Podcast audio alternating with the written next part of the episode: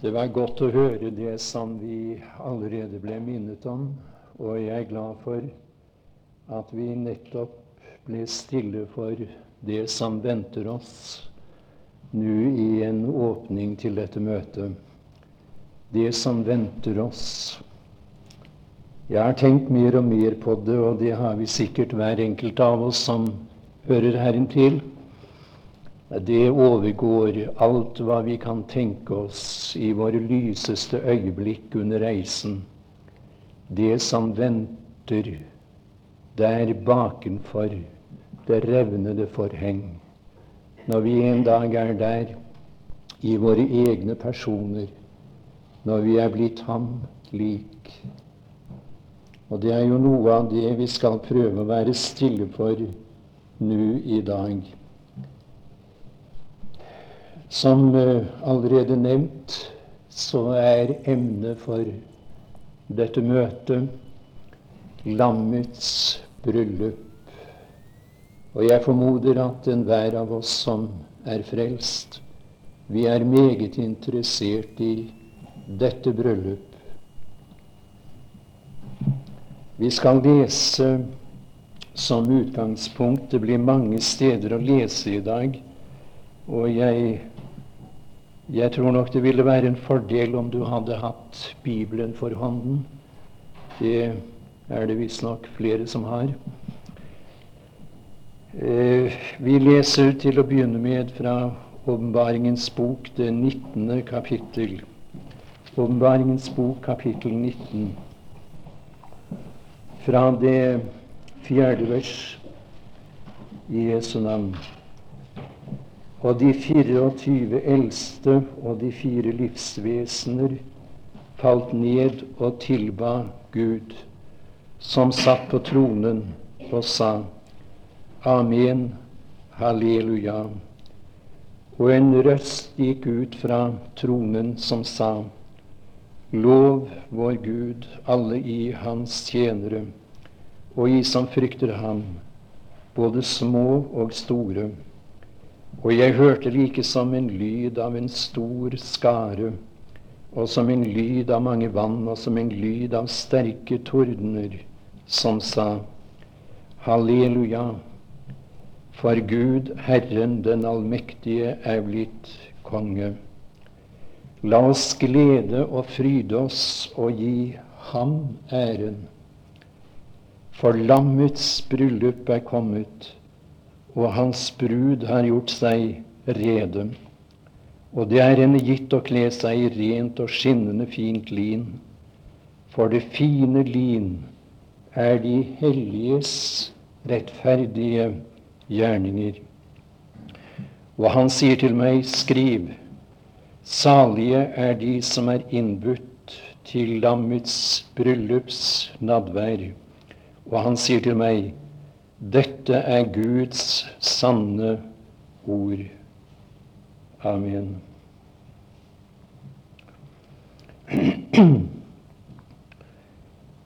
Det å være en troende i denne tidshusholdning eh, fra pinsefestens dag og inntil den Herre Jesus kommer igjen og rykker menigheten opp, er usigelig stort.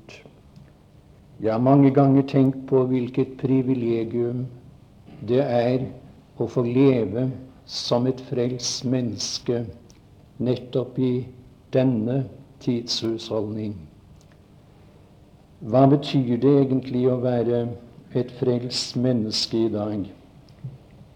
Ja, vi fatter det ikke. Vi kommer ikke til bunns i det spørsmålet. Vi kan ikke gi noe uttømmende svar. Men la meg bare få lov til ganske kort nå å nevne noe som vi kan glede oss over, og som betyr usigelig meget for hver enkelt av oss. For det første betyr det at vi eier en full og fri syndenes forlatelse. Vi vet, ifølge Guds klare utsagn, at våre synder de er fjernet, de er tatt vekk. Syndenes forlatelse er noe som enhver troende kan leve i bevisstheten om, i forvissningen om, til enhver tid under reisen. Det å være en troende betyr at vi er rettferdiggjort innenfor Guds åsyn. Vi er i den oppstandende, i den herliggjorte, og Han er vår rettferdighet, erklærer Skriften. Og det betyr jo ikke noe mindre enn at vi er likestillet med ham innenfor Guds åsyn. Det får jeg leve i, det får jeg regne med til enhver tid under vandringen hjem. Og eh, jeg skulle ønsket at dette også kunne gå opp for oss i større grad i dag. At vi kunne glede oss over det når vi går hjem fra dette møtet. Kanskje mer enn vi har gjort før.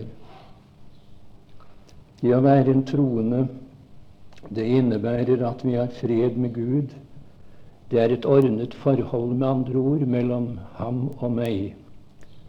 Det er ikke noen skyer eller skygger imellom oss. Det er klar og åpen himmel til enhver tid over mitt liv. Det å være en troende, det er også ensbetydende med at jeg er et lem på Kristi mystiske legeme, det legeme som ble dannet på pinsefestens dag. Det er blitt en organisme, sier Skriften. Jeg skal ikke komme nærmere inn på det, jeg bare nevner det nå. Men eh, vi vet også, ifølge mange klare eh, bibelske utsagn, at det å være frelst i denne tids husholdning, det innebærer at vi tilhører den skare som en gang skal være Kristi brud. Og det er det første jeg vil understreke i, i forbindelse med det vi her har lest fra Åpenbaringens bok, det 19. kapittel. Menigheten som en samlet helhet og enhet skal en gang være Kristi brud. Må jeg få lov å si det en gang til, og så ber jeg deg tenke over det.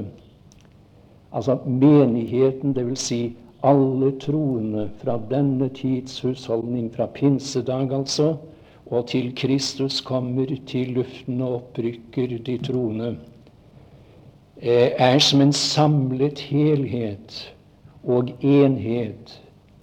Eh, den skare som skal være Kristi brud.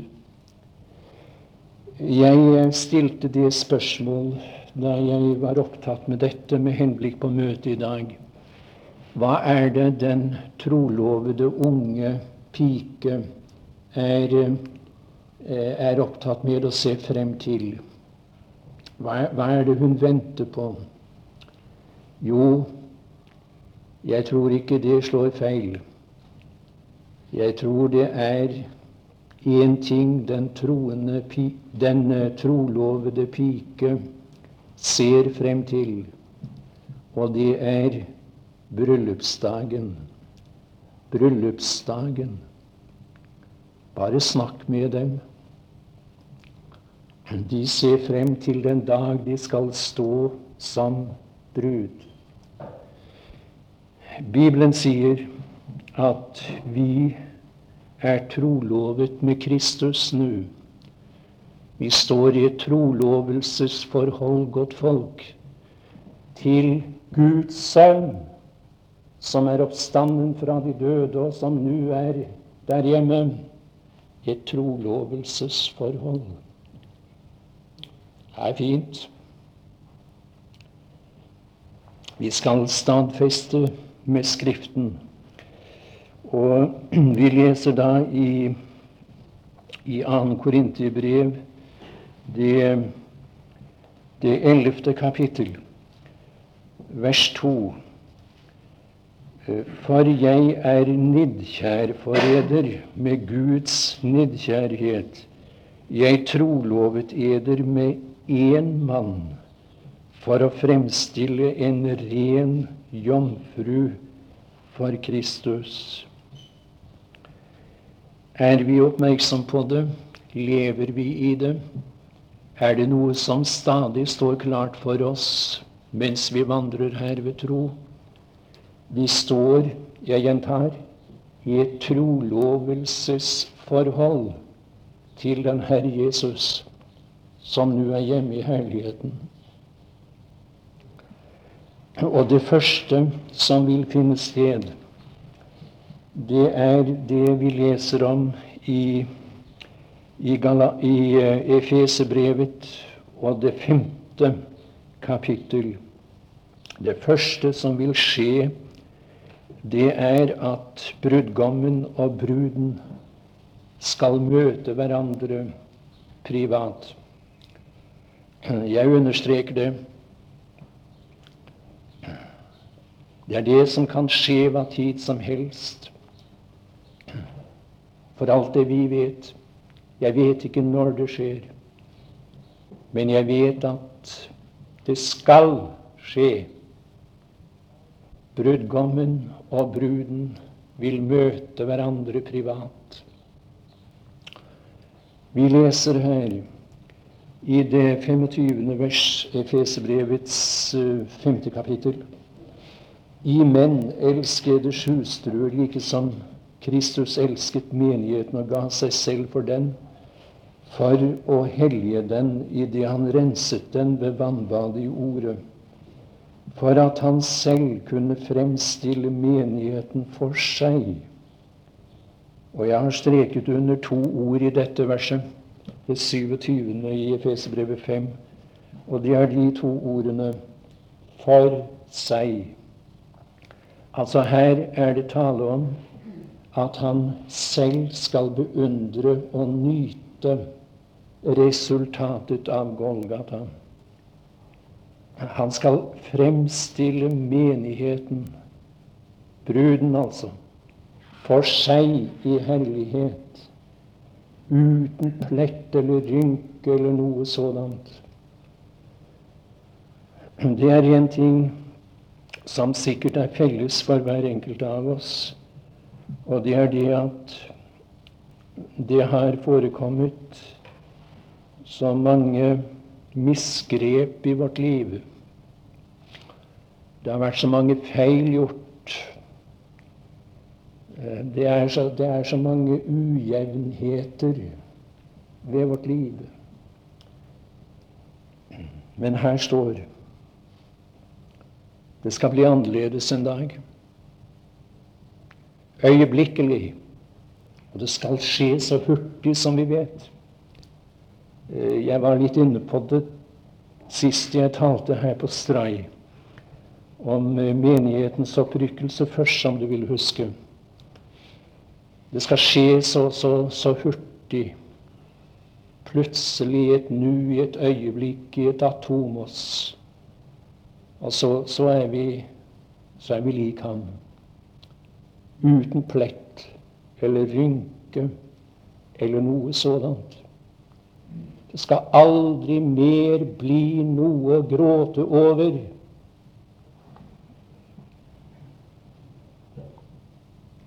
Og han skal nyte å være tilfreds fullt ut med dette verk med bruden, som han der møter i luften og fører inn i Faderhuset.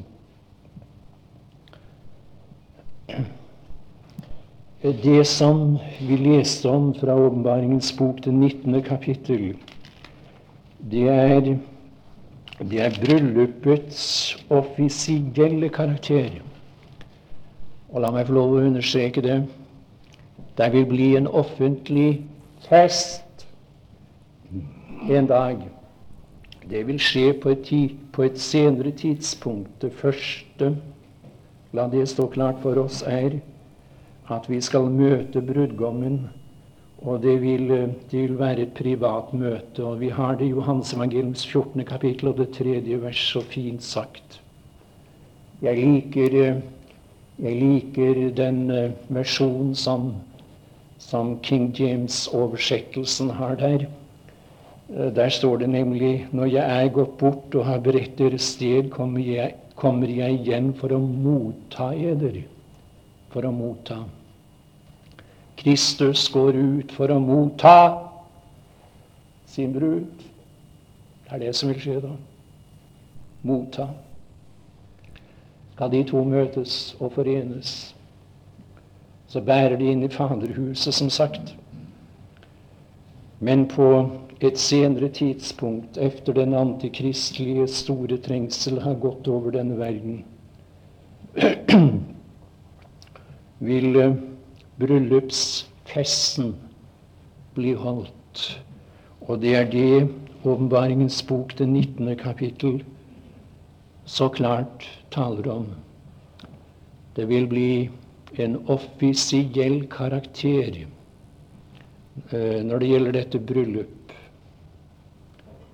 Ikke bare privat, men offentlig skal eh, det bli fest.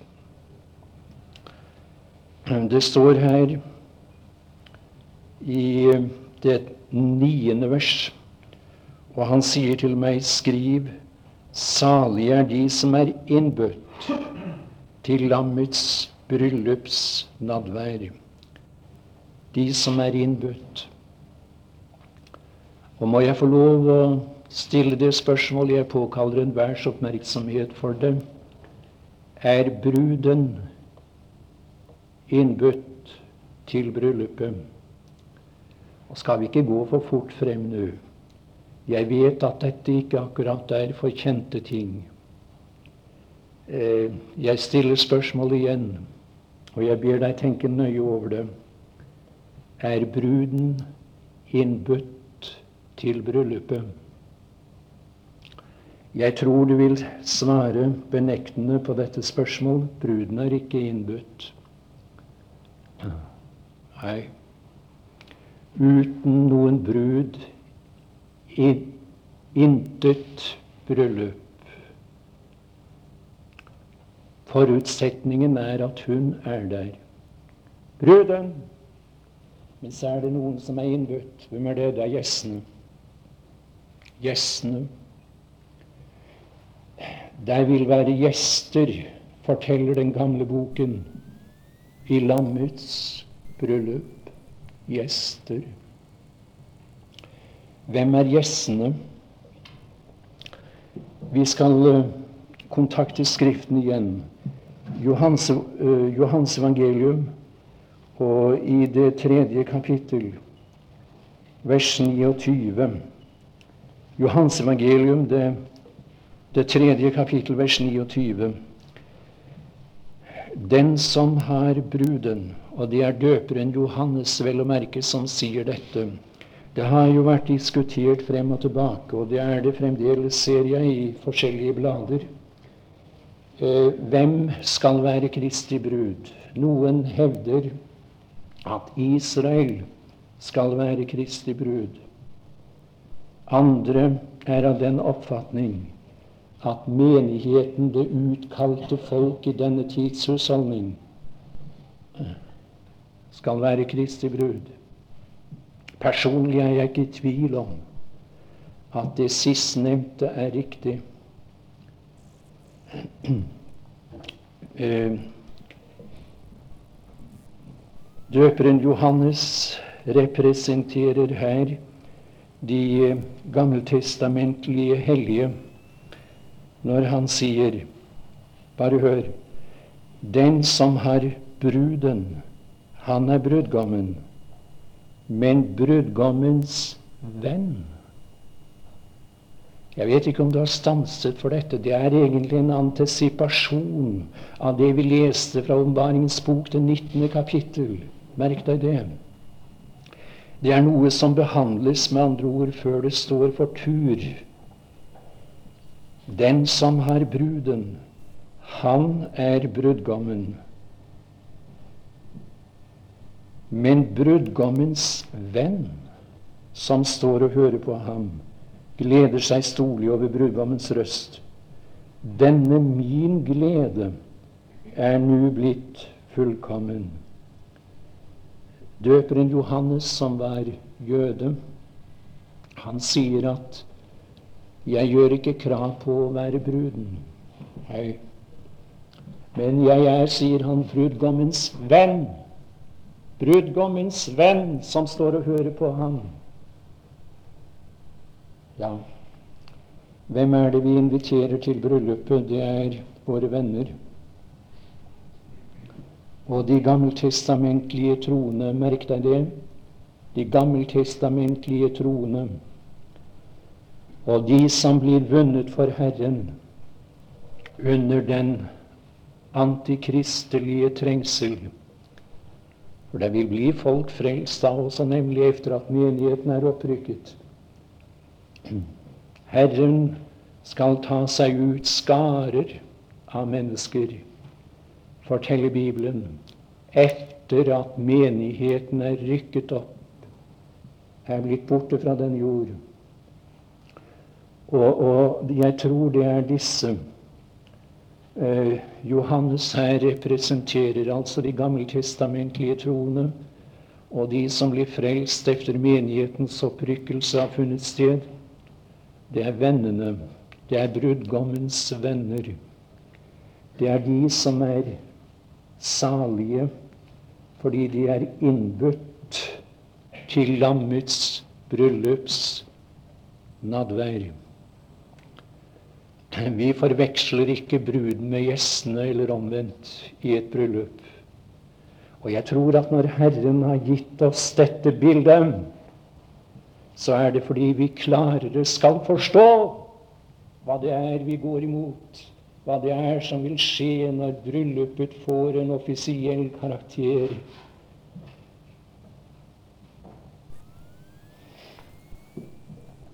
Der vil være brudepiker i det bryllupet. Brudepiker. Brudejomfruer. Og må jeg få lov å ta deg med til Matteus evangelium i det 25. kapittel. altså Matteus evangelium, det 25. kapittel. Og vi leser der i de første versene Jeg skal bare lese nå det første vers, men det er spesielt ett ord som jeg anser for å være av meget, meget stor betydning. Og det er nemlig det første verset i Matteus evangeliums 25. kapittel. Det begynner slik da. Da. Tidskonjunksjonen, er det ikke det det heter? Tidsbestemmelsen. Da. Da. Det er en bestemt tid, altså. Da skal himlenes rike være å ligne med ti jomfruer. Eller du kan gjerne, gjerne si ti brudepiker som tok sine lamper og gikk ut for å møte brudgommen. Hvis du vil undersøke det Matteusevangeliet, det 24. kapittel, vil du finne hvilken tid det her siktes til. Er det innlysende, burde det være i hvert fall, for enhver at det er noe som vil finne sted etter den antikristelige trengsel, eller ved avslutningen av den antikristelige trengsel, det som her er omtalt. Brudejomfruer. Vi, vi leser også i Salme 45 jeg må si det gjorde meg godt å lese det i dag før jeg gikk hit til møtet. Salme 45. Og vi, vi hører deg fra uh, det 14. og 15. vers. Såre herlig er kongedatteren der inne. Hennes kledning er gjennomvirket med gull. I stukne klær gledes hun frem til kongen. Og så kommer det jomfruer. Jomfruer. Hvem er det? Jo, hør. I stukne klær ledes hun frem til kongen, jomfruer, hennes venninner. Se det. Brudgommen har venner, bruden har sine venninner. Ja, jeg tar det slik som det står. Og det gjør vi klokt å gjøre. Jo, hun har venninner. Vi skal lese hele verset. I stukne knær ledes hun frem til kongen. Jomfruer, hennes venninner, følger henne. De føres inn til deg. Og så i Åpenbaringens bok, det 14. kapittel og vers 4. Åpenbaringens bok, kapittel 14, vers 4. Her står det om de 144 000 beseglede av alle Israels barns stammer, som Herren skal ta seg ut etter at menigheten er opprykket. Det står om disse. Eh, disse er de som ikke har gjort seg urene med kvinner, for de er som jomfruer. Ja, jeg er ikke et øyeblikk i tvil om at der er en sammenheng mellom Matteus 25, Salme 45 og Åpenbaringens bok, det 14. kapittel og 4. vers. De kloke jomfruer som går ut for å møte brudgommen, er uten tvil de 144 000 beseglede som Herren tar seg ut, som sagt, etter at menigheten er tatt opp. Eh, når det gjelder Matteus 25, la meg da nevne at Moffat gjengir det første verset slik, og det er flere oversettelser som har samme versjon. Eh, det er bl.a. den syriske oversettelse av Det nye testamentet og det sies at mange, svært mange, av uh, håndskriftene har det samme. Uh, der lyder det altså da skal himlenes rike være å ligne med ti jomfruer som tok sine lamper og gikk ut for å møte brudgommen og bruden. Prøv å huske det. Altså ti jomfruer. Når du ser da disse jøder, disse bekjennende jøder under den antikristelige trengsel, så er det noen som er ekte, og det er noen som er falske. De går ut for å møte brudgommen. De, de, de, venter i Israel. De venter på the coming man i Israel. Den kommende mann. Han som kan løse flokene. Men det er noen som vil bli skuffet, for de setter sin lit til en falsk Messias. Men det er noen som er kloke under den antikristelige trengsel. Det er denne skare som Herren har tatt seg ut. Da skal, da skal de møte brudgommen og bruden. Ser du dem? Han har hentet henne opp minst syv år tidligere. Jeg vet det er dissens om disse tallene her, men jeg tror syv år tidligere har han rykket menigheten brun opp. Han har hatt henne for seg selv i denne bryllupsuken, denne syvårige uken. Han har betraktet henne. Han har gledet seg i henne. Han har blitt tilfredsstillet ved å se på henne som han vant da han var der nede på dypet. så dypt som ingen vet. Og så kommer han for å vise henne frem, forstår du. Vise henne frem. Vi hørte om herligheten her i dag. Det skal bli herlighet. Og jeg tror at selv den gamle slange fra Edens hage skal da måtte beundre resultatet. Uten plett eller rynke eller noe sådant.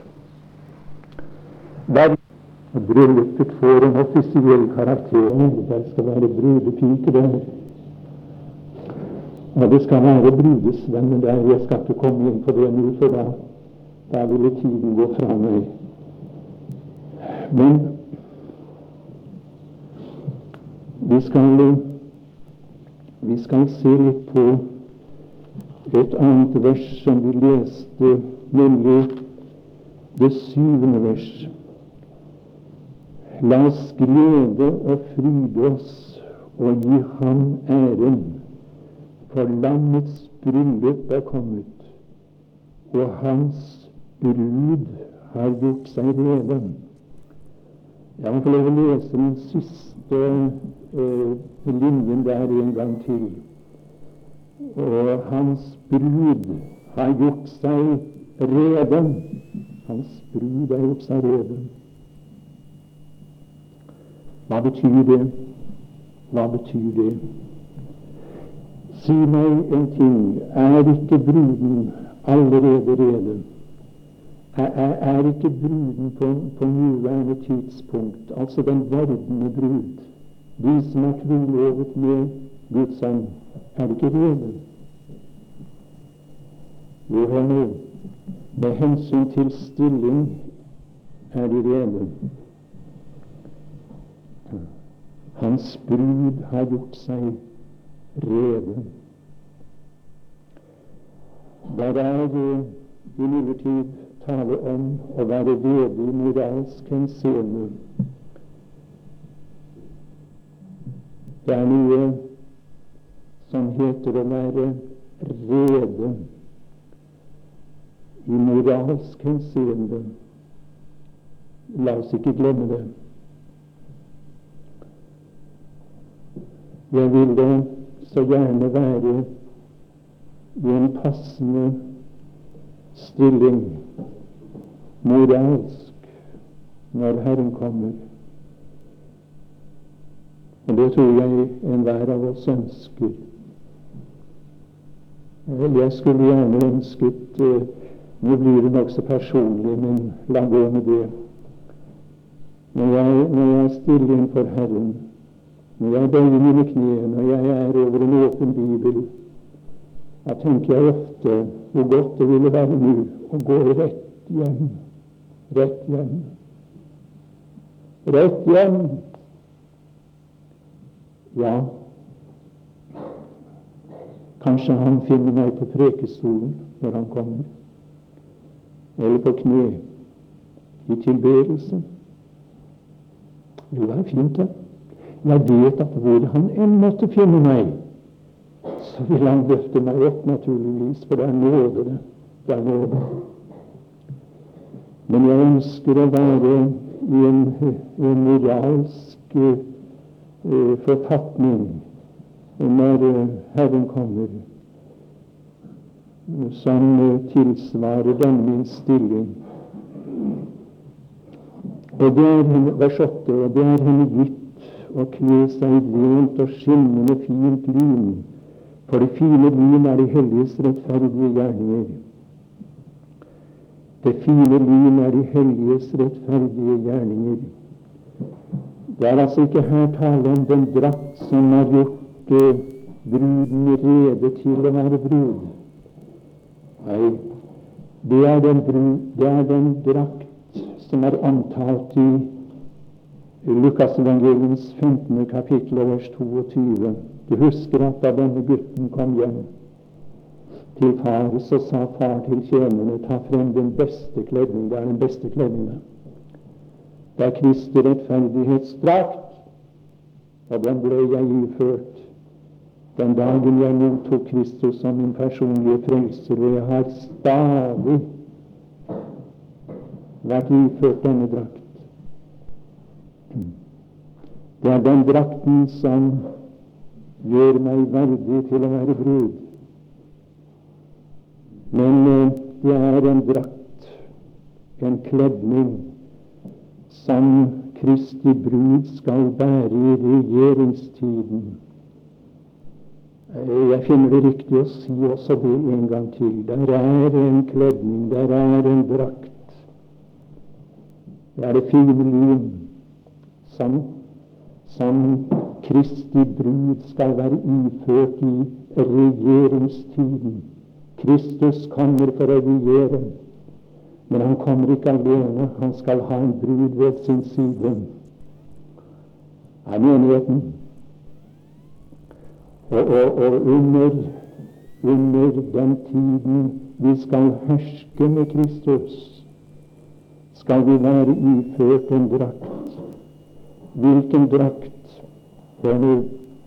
Den drakt som blir tilkjent oss ved Kristi belønningsstol, Kristi domstol.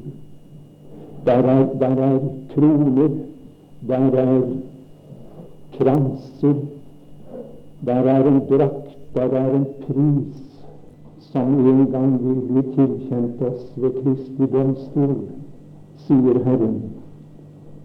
Og det, er, det er den drakten vi skal ta i besittelse under riket og være innført.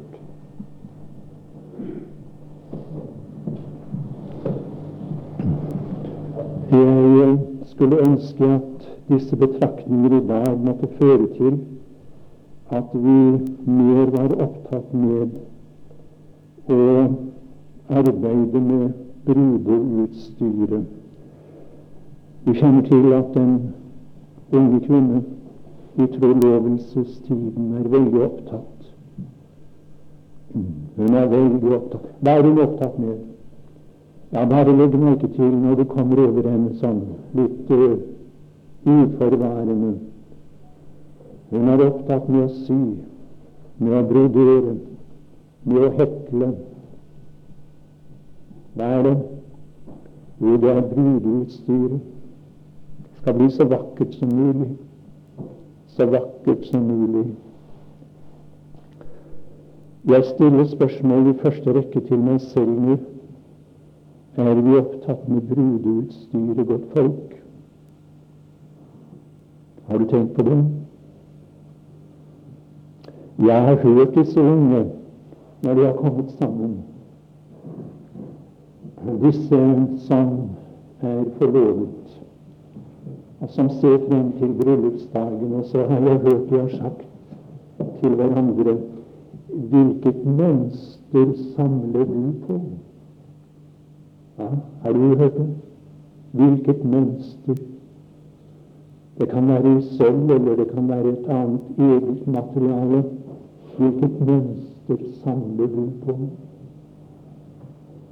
Og spørsmålet mitt til meg selv Hvilket mønster samler jeg på? Er du interessert i å samle? Med tanke på den dagen du først og fremst skal møte ham ved hans belønningsstol, med tanke på den dagen bryllupet skal holdes når du skal ta del i festen når regjeringstiden begynner. Hvilket mønster samler du på? Der er, en, der er mange kranser og der er mange belønninger, men jeg skal bare, bare nevne igjen, og det er den det er den som er omtalt i Filippensbrevets fjerde kapittel og første vers.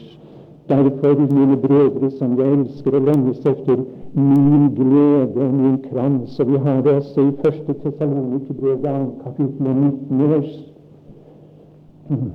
Hvem er vel vårt håp eller vår glede eller vår hederskrans? Er ikke også i det For vår Herre Jesu åsyn ved Hans komme.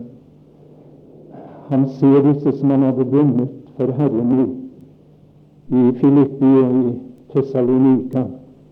Han ser ham som sin gledeskrans.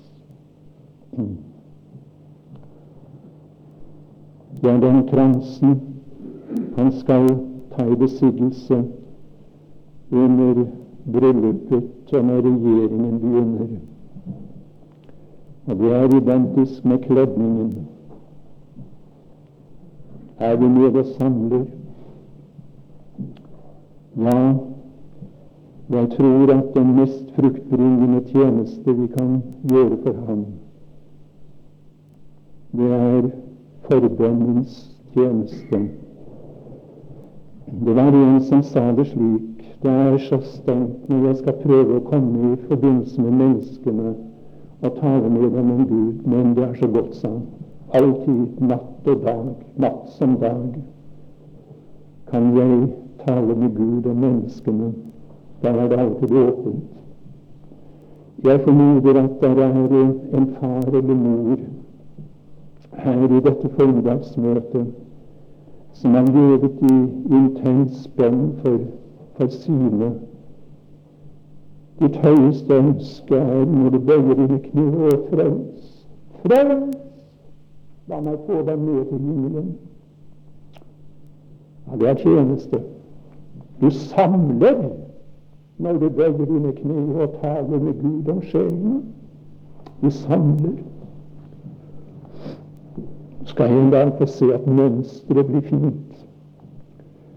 Der er det en, sier Herren. Der er det en. Der er mange. Du banet vei til hjertet gjennom forbønnens tjeneste. Det ble frukt. Det ble resultat. Er ikke du får se det her. Det var tre stykker som uh, gikk frem til mors gravkant og, og, og bøyde seg. Hun fikk ikke se det, men det var hennes bønn. Naturligvis var det hennes inderlige bønn du må frelse dem, du må frelse dem. Da kommer en dag da hun skal få se resultatet av bønnen, av sin tjeneste.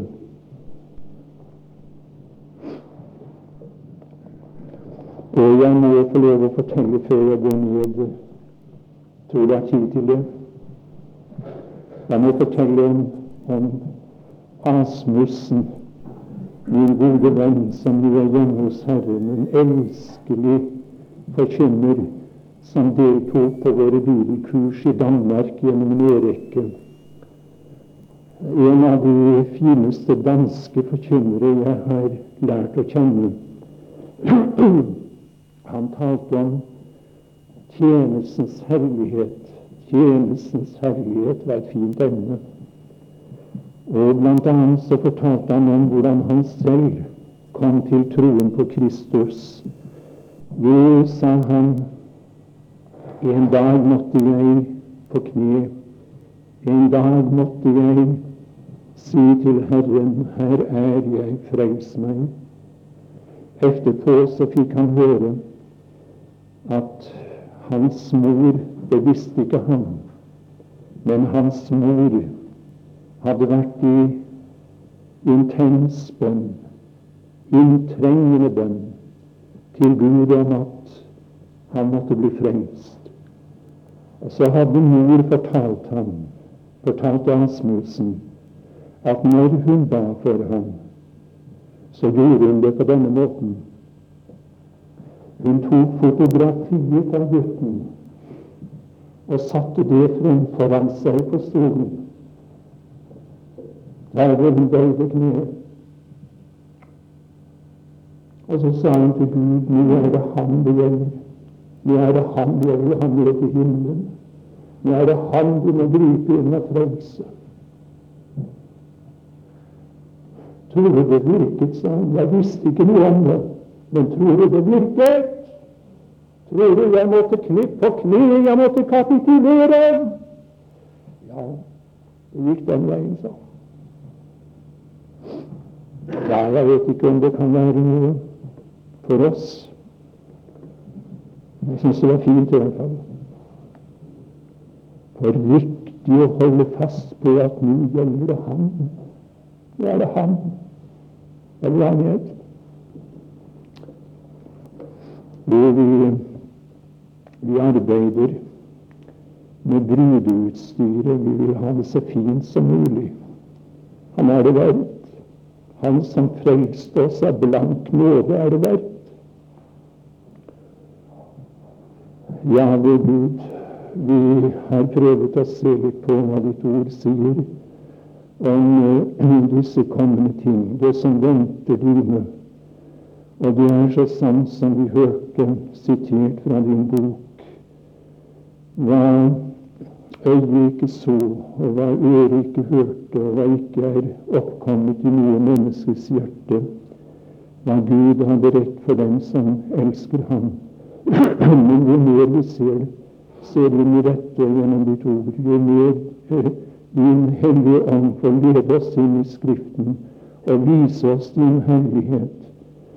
Og jo mer vi går omkring i Skriftens billedgalleri, og betrakter disse skjønnheter, jo mer får vi lyst til og kraft til å vie vårt liv til deg. Herre, du er det verdt. Sitter du igjen eller flere i formiddagsmøtet som, som ikke er frelst? Fader, grip inn og redd ham eller henne. La det vi her har vært opptatt med, skape en lyst i hennes eller hans sjel, hans indre menneske, til å få et møte med deg i formiddag. Så det kunne være noen som går rettferdiggjort hjem fra møtet. Vår Gud, vi takker deg for den velsignelse som er blitt oss mangfoldig til del. Vi takker deg for den nåde som hviler over våre hjem. Vi takker deg at vi i fellesskap i denne formiddagstime skal få minne deg om dem som vi daglig nevner ved navn for troen. Frels dem, gode Gud. Amen.